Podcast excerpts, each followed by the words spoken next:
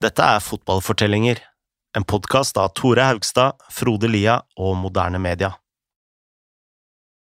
Mino Raiola er agenten til Erling Braut Haaland, men han er også mye mer enn det. Han er mannen som gjorde Zlatan god, som utfordret den største mafiosoen i italiensk fotball, som også tok Paul Pogba ut av Manchester United, solgte han tilbake for 90 millioner pund og visstnok stappet 40 millioner ned i sin egen lomme. Han er en sitatmaskin, en nådeløs forhandler, frekk og direkte, men aldri kjedelig. Dette er historien om hvordan Mino Raiola ble Mino Raiola.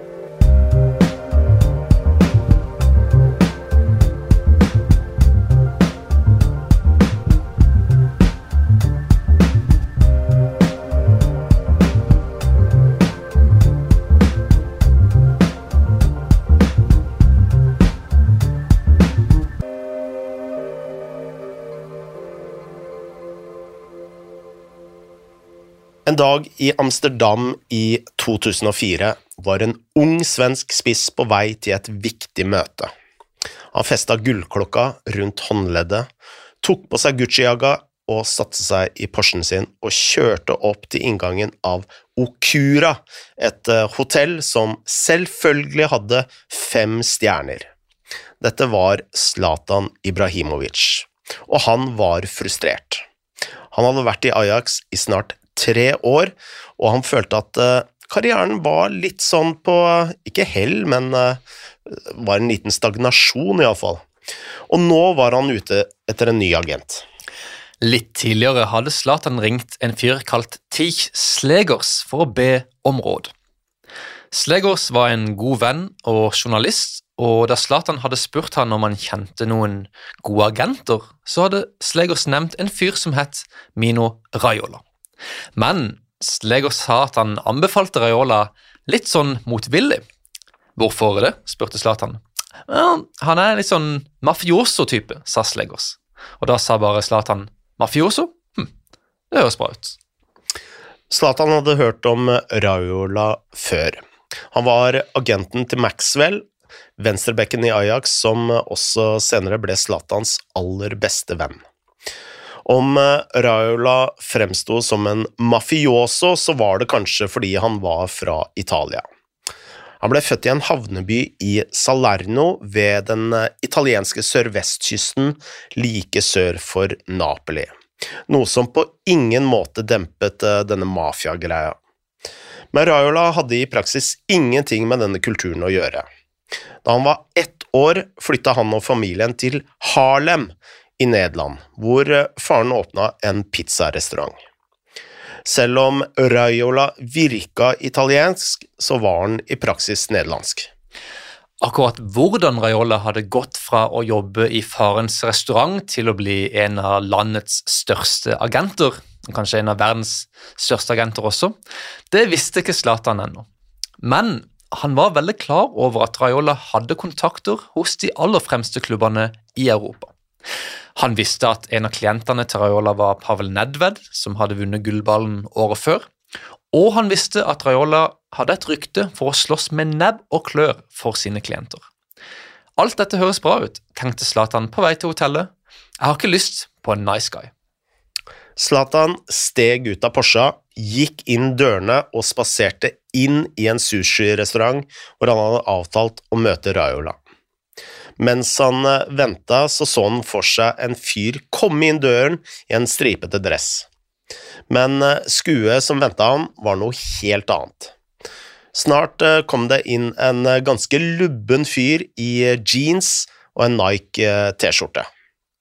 Zlatan sa at han hadde en mage som en av karakterene i The Sopranos. Og det er ikke noe kompliment. Absolutt ikke. Omtrent så fort de hadde begynt å prate, så kasta Raiola sushimenyen til side og bestilte pasta. Mengden mat han fikk servert, var nok til å fòre fem personer, ifølge Zlatan. Da den enorme tallerkenen var tom, tok Raiola ut fire ark og viste de til Zlatan. På de arkene hadde Raiola ført opp litt statistikk. På første linje sto det Christian Vieri, 27 kamper, 24 mål. På neste linje sto det Filippo Inzaghi, 25 kamper, 20 mål. Deretter var det David Trezeguet, 24 kamper, 20 mål.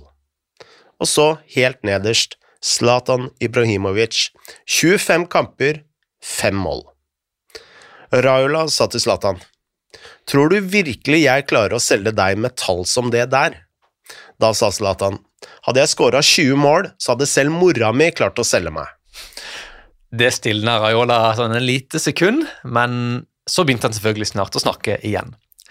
Han prata om gullklokka til Zlatan, Gucci-jakka han hadde på seg, og den fine Porschen som sto utenfor hotellet, og han sa Vet du hva, Zlatan? Alt dette her som du prøver liksom å, å showe off med, det gir jeg blaffen i. Så spurte han Zlatan har du virkelig virkelig lyst til å bli verdens beste spiller. Selvfølgelig, sa Zlatan. Så fokuser kun på fotballen, sa Raiola, og så vil resten komme av seg sjøl. Zlatan sa at han skulle tenke på det. Han visste helt ærlig ikke om han skulle begynne å jobbe med Raiola, men så fort han hadde satt seg inn i Porscha, smelte igjen døra, kjente han en følelse som brygga innvendig. Han kjente en spenning, så han eh, fiska ut mobilen, ringte Raiola og sa Hør her, jeg har ikke lyst til å vente, jeg vil begynne å jobbe med deg med en gang. Så sa Raiola Ok, men skal du jobbe med meg, så må du gjøre som jeg sier. Selg bilen og klokkene dine, og begynn å trene tre ganger så hardt, for tallene dine er rein søppel. Zlatan hadde lyst til å be Raiola om å dra et visst sted, men uh, innerst inne så visste han at Raiola hadde rett. Så han gjorde som Raiola sa. Han ga Porschen til Raiolas far. Han kjøpte en Fiat Stilo, som er en sånn liten og gørrkjedelig familiebil. Han kvitta seg med gullklokka og tok på seg en fra Nike. Han erstatta Gucci-jakka med en treningsdress, og så begynte han å trene som en galning. Hver gang Zlatan var frista til å slappe litt grann av, var Raiola på han som en klegg.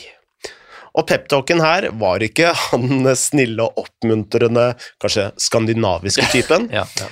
Eh, Raiola kunne f.eks. si ting som eh, Du liker når folk forteller deg at du er best, ikke sant? Og Zlatan sa jo, kanskje. Og da svarte Raiola men det stemmer ikke. Du er ikke best. Du er en dritt. Du er ingenting. Du må jobbe mye hardere. Zlatan svarte, det er du som er dritt, du bare gnåler, du burde trene sjæl, tjukken. Og Raiola sa bare, go fuck yourself, og Zlatan tilbake, fuck you, og sånn gikk det.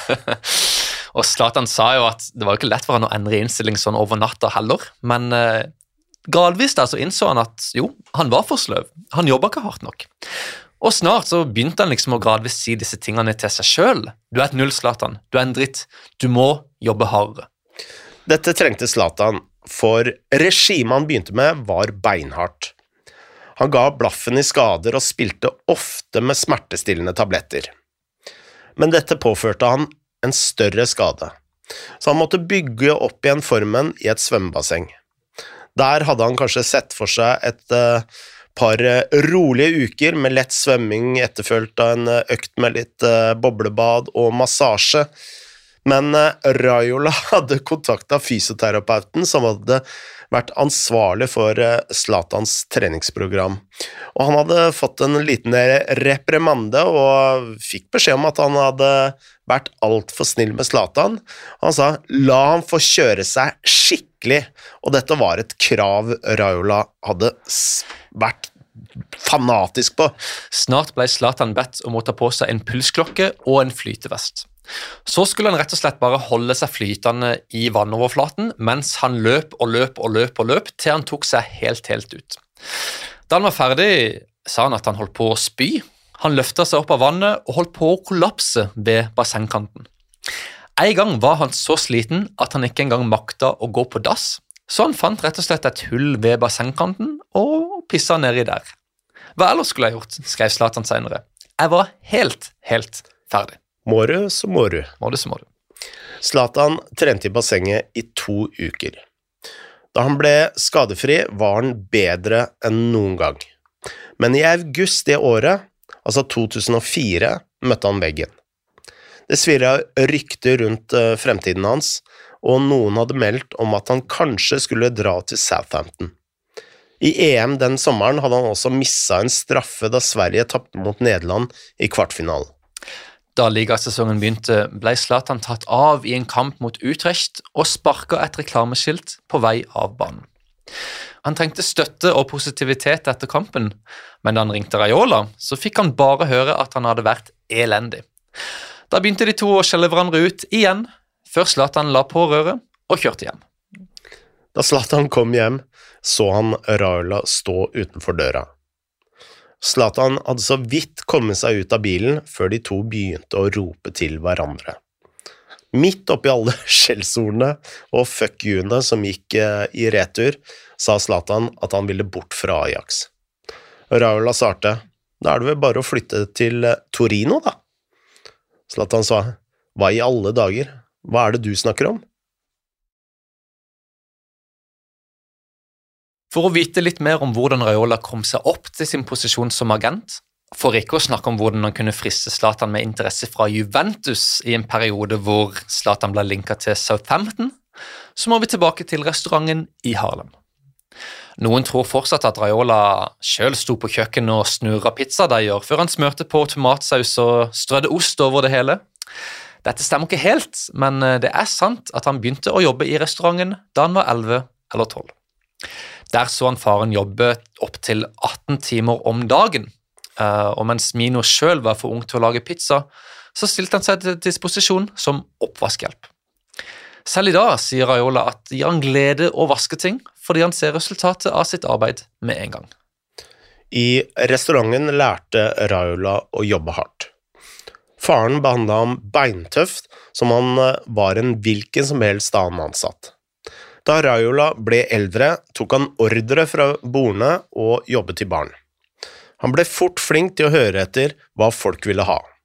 Og da snakker vi ikke om eh, hvorvidt de ville ha ekstra fyll på pizzaen eller dry martini med is. Han fant ut om en eh, kunde var glad eller trist. Om han var trist, spilte han rollen som eh, psykolog og venn. Om en fyr hadde blitt forfremmet, feira Raula sammen med han. Om noen hadde blitt skilt, hørte Raula på hvor uheldig han hadde vært. Han lærte hvordan folk fungerte, hva de sa, hva de ønska, og hva de egentlig ville ha. Senere kalte han eh, restauranten for et sosialt universitet. Litt senere ble Raola involvert i selve driften av restauranten. Siden han snakka mye bedre nederlandsk enn det faren gjorde, så var det han som gjorde forhandlingene med matprodusenter og andre folk de trengte. Mm. En dag fikk han høre at noen av kundene hadde trøbbel med produsenter fra Italia, og at varene rett og slett ikke hadde dukka opp. De visste at Raiola snakka italiensk, så de spurte han om han kunne hjelpe. Så Raiola han tok en telefon ned til Italia og fiksa biffen veldig kjapt. og Plutselig så innså jo han at det var et marked her hvor han kunne tilby sine tjenester. Så han satte opp sin egen bedrift kalt Intermezzo, som gjaldt nederlendere med å gjøre business i Italia. Faren sto ikke i veien for Raiolas nye selskap. Han sa han kunne gjøre hva han ville, så sant han fortsatte å komme på jobb. Da Raiola senere fortalte ham at han var for travel til å jobbe med pizza, sa faren bare hvorfor det? Du kan da fortsatt ta telefonen mens du jobber her. Han eh, kom også med en spådom til Raiola. 50% kommer til å elske deg, og 50% kommer til å hate deg. En av stamgjestene i restauranten var presidenten til HFC Harlem, altså den lokale fotballklubben. Raiola hadde faktisk spilt for dette laget i tenårene, og allerede da så hadde han vist at han var en ganske tøff forhandler. Da Raiola var 14, hadde Harlem bedt ham om å betale kontingent, som er vanlig på de fleste guttelag. Og de fleste, iallfall her i Skandinavia, de betaler som de som de skal, men Raiola han hadde bare svart vent nå litt her. Jeg er den beste spilleren dere har. Hvorfor i alle dager skal jeg betale dere? Um, dette ga ikke mening for han, og han begynte liksom å forhandle og komme med krav. Uh, og ikke bare slapp han å betale kontingent, han forhandla seg også frem til et par gratis fotballsko. Når presidenten til Harlem kom inn i restauranten, sa Raula til ham at han ikke hadde peiling på fotball. Så en gang sa han til Raula Hvis det er så enkelt, hvorfor prøver du deg ikke selv? Så tidlig i 20-årene ble Raula sportsdirektør for klubben. Men de mangla finansene til å kjøpe de spillerne han ville ha, så han sa opp etter kort tid. Men dette hadde gitt Raiola litt sånn uh, feelinger på hvordan det var å jobbe med fotball. Han hadde allerede studert juss på den tida, men funnet ut at det ikke var helt for han. Han hadde også kjøpt en McDonald's-sjappe og solgt den videre til en boligutvikler, noe som hadde tjent han masse penger. Så uh, nå bestemte han seg da for å følge sin store lidenskap. Han fant et sånn slags juridisk smutthull som gjorde det lettere å selge nederlandske spillere til italienske klubber. Så allerede tidlig på 90-tallet var Raiola involvert i en rekke overganger, bl.a.